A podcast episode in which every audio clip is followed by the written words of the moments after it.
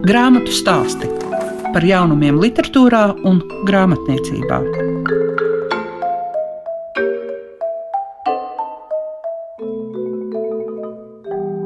Pēc divu mēnešu atpūtas, augustā savu skanējumu atsāka grāmatu stāsti. Man par to ir tiešām patiesa prieks, un līdz ar to ir ļoti daudz stāstāmā un arī vērtējamā. Un tā šīs dienas grāmatas stāstos jūs dzirdēsiet par Jāņa Baltvilka balvas starptautisko laureātu 23. gadā, un tas ir lietuviešu rakstnieces Ignas Zarambaitas garstāsts Melnzelmija. Vēl dzirdēsiet Edīti Pauls Vīgneri, jo viņai ir iznācis mākslas albums Ak sievietes, un dzirdēsiet arī par Van Goga vēstulēm no Arles. Bet sāksim ar Jāņa Baltvilka balvu. Mēs varam izcelt tādas grāmatas kā Ejas un Asakas, Pants, Trallalnieks, Kamoliņš un Kastīte, arī komiks Sunāns Breivībā. Šīs grāmatas, kā laureātas, tika izceltas 24. jūlija vakarā, kad tradicionāli notika Jāņa Baltvilka balvas pasniegšanas ceremoniju. Bet par starptautisko laureātu šogad kļuva lietuviešu rakstniece Igne Zarambaite par garstāstu Melnzelmji un grāmatas tulkotāja Dace Meijere. Tūlīt arī viņas dzirdēsiet. Grāmatu stāsti programmā Klasika.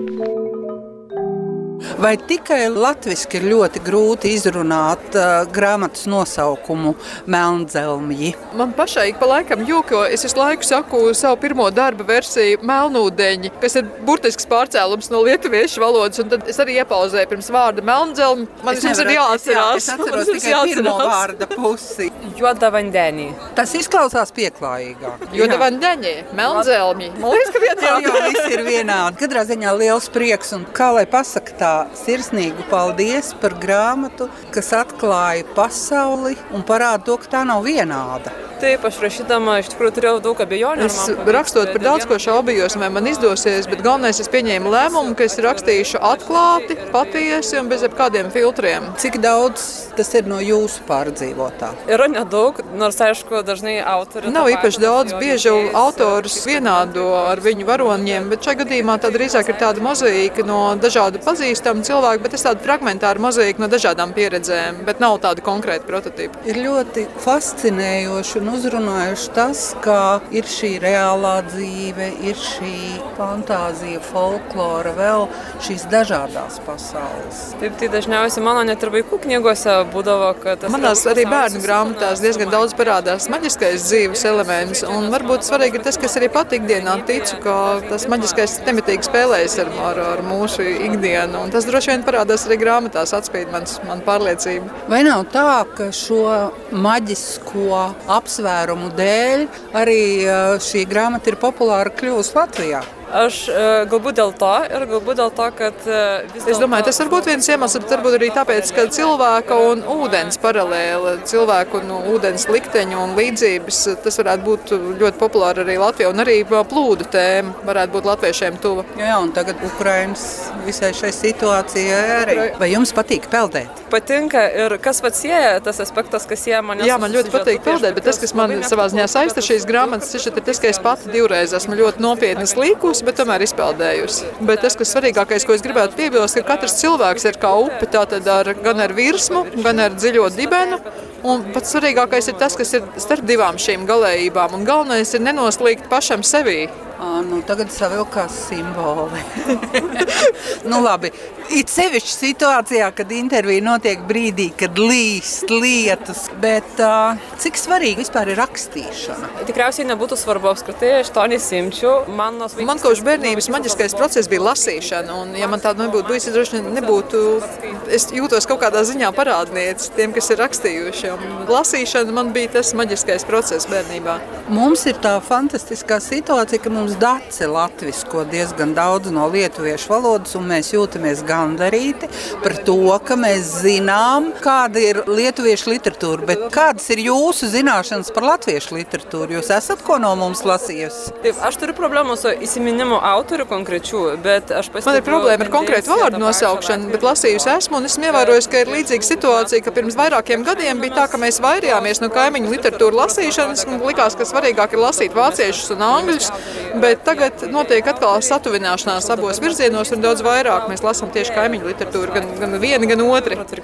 Viņi rakstīs arī pieaugušo grāmatas. Nē, iki tol rašau tik vaikams. Pagaidām es neesmu rakstījis, bet tāda mazliet komiska situācija. Es jums rakstīju pavisam maziem bērniem grāmatu, un tā grāmata saņēma augstu apbalvojumu, jo par labāko grāmatu Lietuvā. Un tad man jautāja, kad jūs rakstīsiet pusaudžiem? Es uzrakstīju pusaudžiem, un arī šī pusaudža grāmata kļuva par labāko gada grāmatu, un tagad viss prasa, kādu pieaugušajiem. Nu, es nesaku, ka nekad, nekad neteiktu nekad, bet nu redzēsim. Piemēram, ikdienā rakstīšana ir kā paša par sevi saprotama lieta, vai tā tiek rakstīta tad, kad ir kas izdomāts, kurā brīdī autors sāk rakstīt? Aš manau, labai priklauso nuo autoriaus.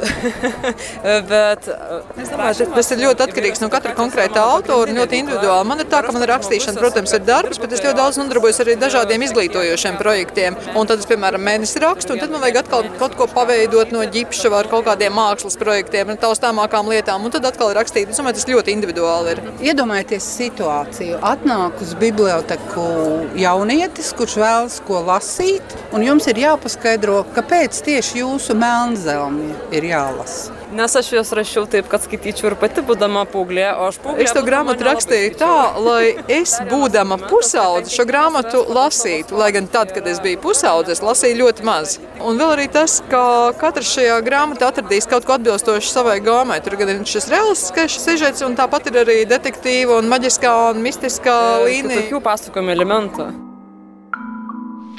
Grāmatu stāsti tiem, kam grāmatu lasīšana ir vērtība.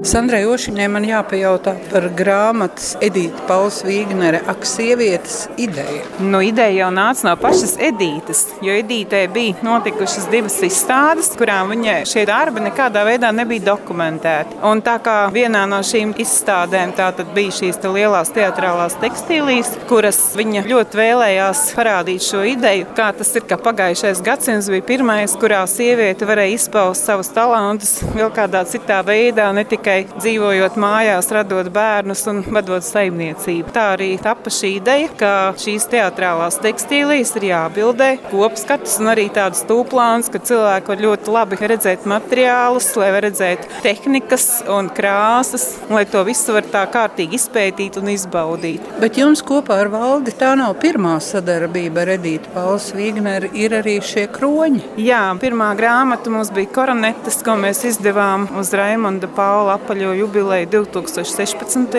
gadā. Tā grāmata bija veltīta brālim Edītas, meistaram Raimondam Paulam, un tajā bija šīs galvasrotas, vainagi, kroņi, cepurītes, un ko Norikstena kopā nosauc par koronetēm. Tas bija viņas izdomāts vārds. Tajā grāmatā tekstus rakstīja Norikstena. Kas jums pašai ir Edīta Pauls Vīgnera? Nu, man Edīta ir milza personība. Man ir ļoti liela cieņa pret viņas radošo darbu un arī pret viņu kā pret cilvēku. Es domāju, ka ja būtu pasaule radījusi viņa, tad tur nebūtu ļaunuma, nebūtu kara, nebūtu tādu šausmu. Viņa ir ārkārtīgi cilvēciska. Nu, un tāpat laikā viņai ir arī nerimstošs, nemitīgs, radošs gars, kurš viņu urda. Un pateicoties izstādes seko cita citai, un visu latviešu tautu mēs varam būt ļoti lepni par to, par viņas radošo veikumu. Vai jūs esat domājis par to, kas vispār ir mākslas darba radīšana?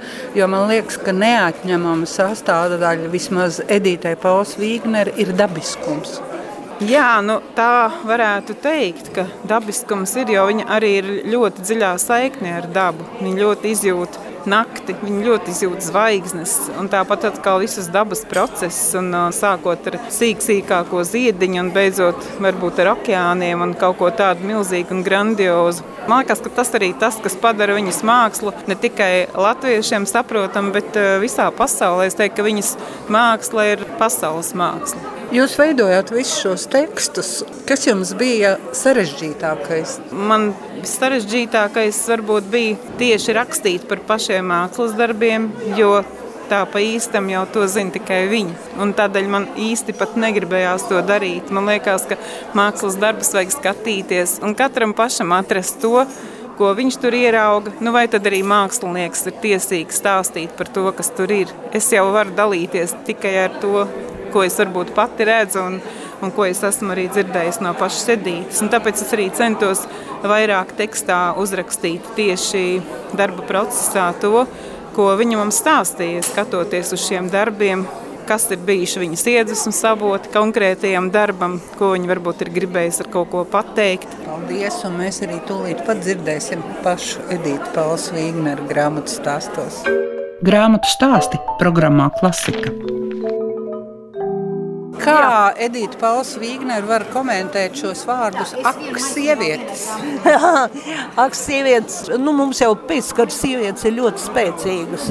Tā ir liela kļūda, jo mēs tos vīrieši esam paludinājuši, jo viņi bija tiešām palikuši maz, un mums šodien Latvijā vispār joprojām ir sievietes vairāk, bet viņas izvēlas tik smagas profesijas, pa kurām es arī gribēju parādīt, jo tādas sievietes, ko mēs darām ikdienā, tos darbus, bet man vajag tā, lai man rodas ierosme. Un šī gadījumā tāpēc man visi izvēlētie personāži tajā grāmatā ir tādi, kas prasa ļoti grūtu, smagu darbu jau no agras bērnības. Kurš jums būtu stāsts? Par kādu no piemēriem un šīm profesijām? No šīm profesijām, zinot, ko es tagad pastāstītu, tas ir ļoti īpatnēji. Redzat, mani darbi veltīti arī šodienas karam, un es vienmēr sekoju līdz notikumiem. Bet šoreiz es atcerējos manu tēvu, ka viņš ārkārtīgi uzmoja, ne tikai viņš, bet visa pasauli uzmoja par matu arī. Un izrādās, ka man šai grāmatā ir viena sieviete, kas ir piedalījusies karā. Vai viņa ir darījusi labu darbu vai sliktu darbu, tas paliek jautājums. Es esmu daudz sekojusi viņa dokumentālām lietām. Neviens īsti nevar saprast, vai ir vai nav. Jo tā viņas pievilcība bija brīnišķīga. Tēvs teica, ka gan tēls uz sērkociņu kastītēm, līdz pat milzīgām reklāmām, un viņa iedomāties iekaroja pasauli. Tātad tā arī ir kaut kāda spēcīga personība tomēr. Tas man vilināja. Otrs, es radīju savā laikā izstādi, kas man bija 2009. gadā, no volāniem līdz volāniem. Par cik es arī modelēšanu izvēlējos, man ļoti valdzina visas šīs lietas, un es šodien baudu sekoju visam līdzi, kas notiek modas pasaulē. Es tagad vairāk aizraujos, nekā es esmu izgājis to pirmo procesu, kas ir saistīts ar Rudolfu Emerātu, bet tagad man ir atkal cits manā dzīvē, un tas ir labi. Brālis man pārmet, viņš saka, ko tu tur atkal esi radījis? Es teicu, es esmu kā Picasso. Man ir dažādi periodi. Ja Picasso bija zilais un rozā periods, tad man ir tagad gan sievietes ar mežģīnēm, gan man ir pērlītēm, tur ir vīna garša bijis tāda. Tā kā es mainos, un man tas arī iet līdz manai veselībai, jo vairs es nevaru smagos darbus veikt. Ja gobelēniem bija jāsaka. Tas bija noiets cikls, un tagad es eju mierīgi, lēnām, lēnām, kā jau viss darbība notiek uz galda uz galda es vēl varu kaut ko veidot. Kā tas notiek pakāpē. Kā ir jums ar to jauno žanru? To es pat esmu tā izdomājis. Es nezinu, tas laikam vēsturē būs pilnīgi jauns, jo es tā to nosaucu. Jo redzat, kāpēc teatrāls? Tāpēc, kad mana kompozīcija vairs neiekļaujās rāmjos. Viņa iziet ārā. Vienalga kāda kustība ir vai kā. Man tagad ir pat dainas, man ir dikļu pilī darbs. Tas arī ir tādā ziņā interesants, ka es parādu mūsu etnogrāfiju, bet es, piemēram, izlaižu svārkus nīdz bruņš sārā ārā no kompozīcijas. Es uzlieku uz galdu kronīti ar pērlēm, ar visu, ko, lai tas būtu tiešām neierobežots. Jūs ievērosiet grāmatā, ka katra vai tā ir Anna, tur vai cerības gaidot, cerot, vai tur ir kāda zvaigzne dzied, viņām visām iziet ārā no rāmjiem. Nav vairs četras stūras vai taisnas stūras.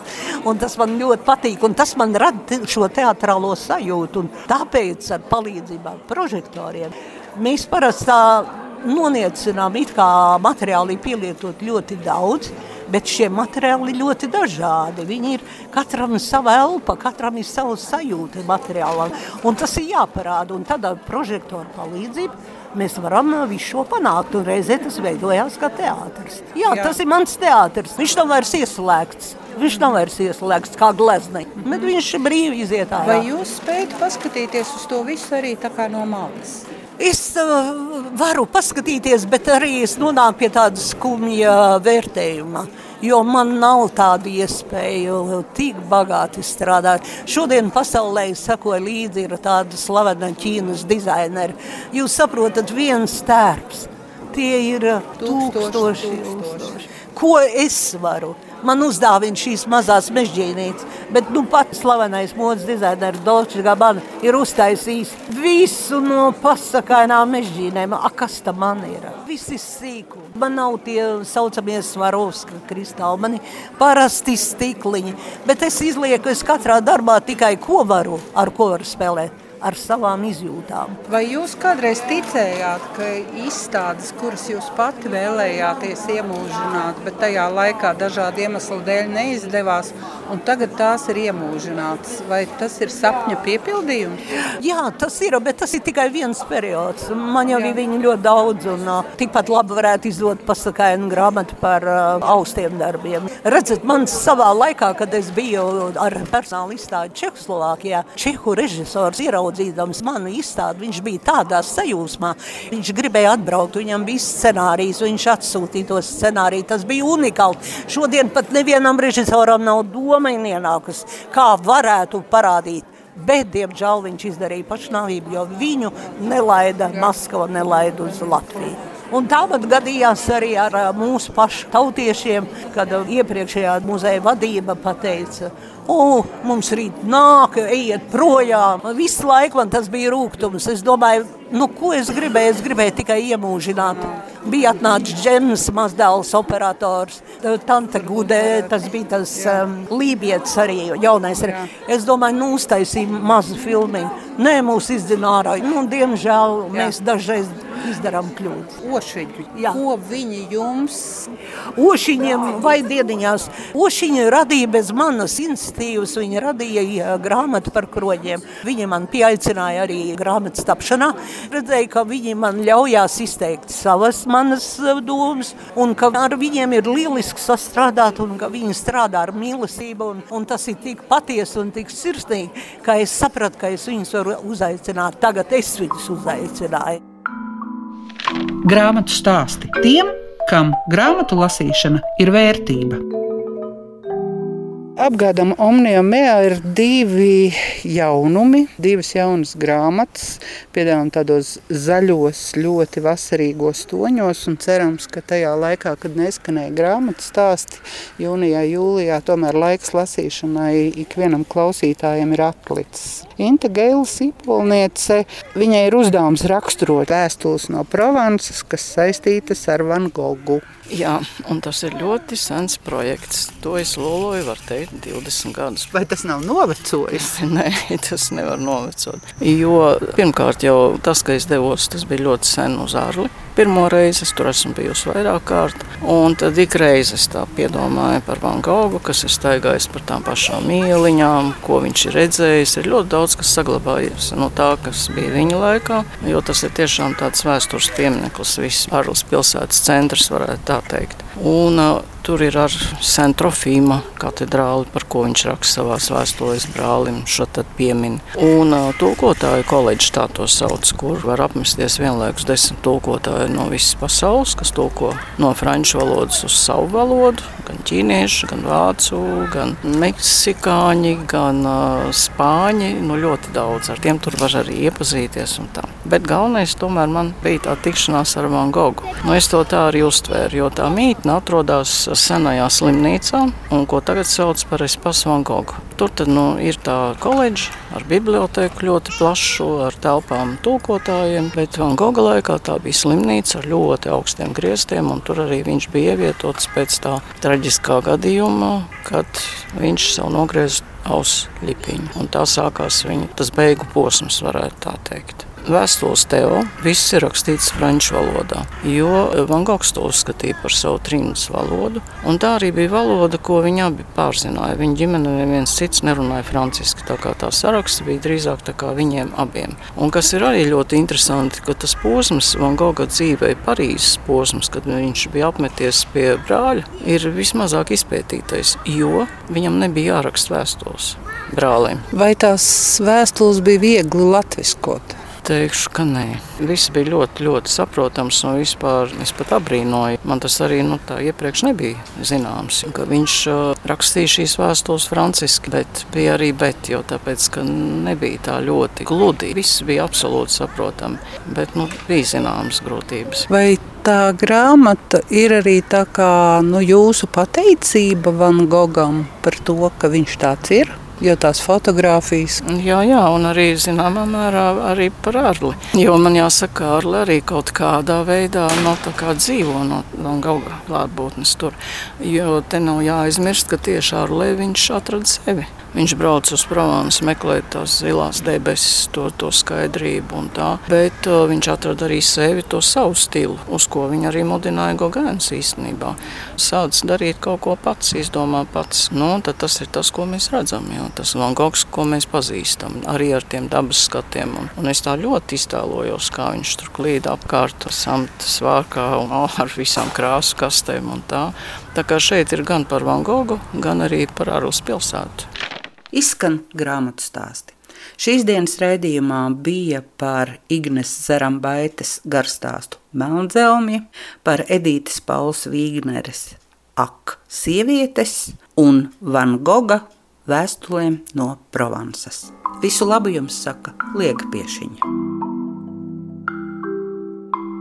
Grāmatu stāsti par jaunumiem literatūrā un grāmatniecībā ik trešdienu, 9.5. ar atkārtojumu Svētdien, 18.15.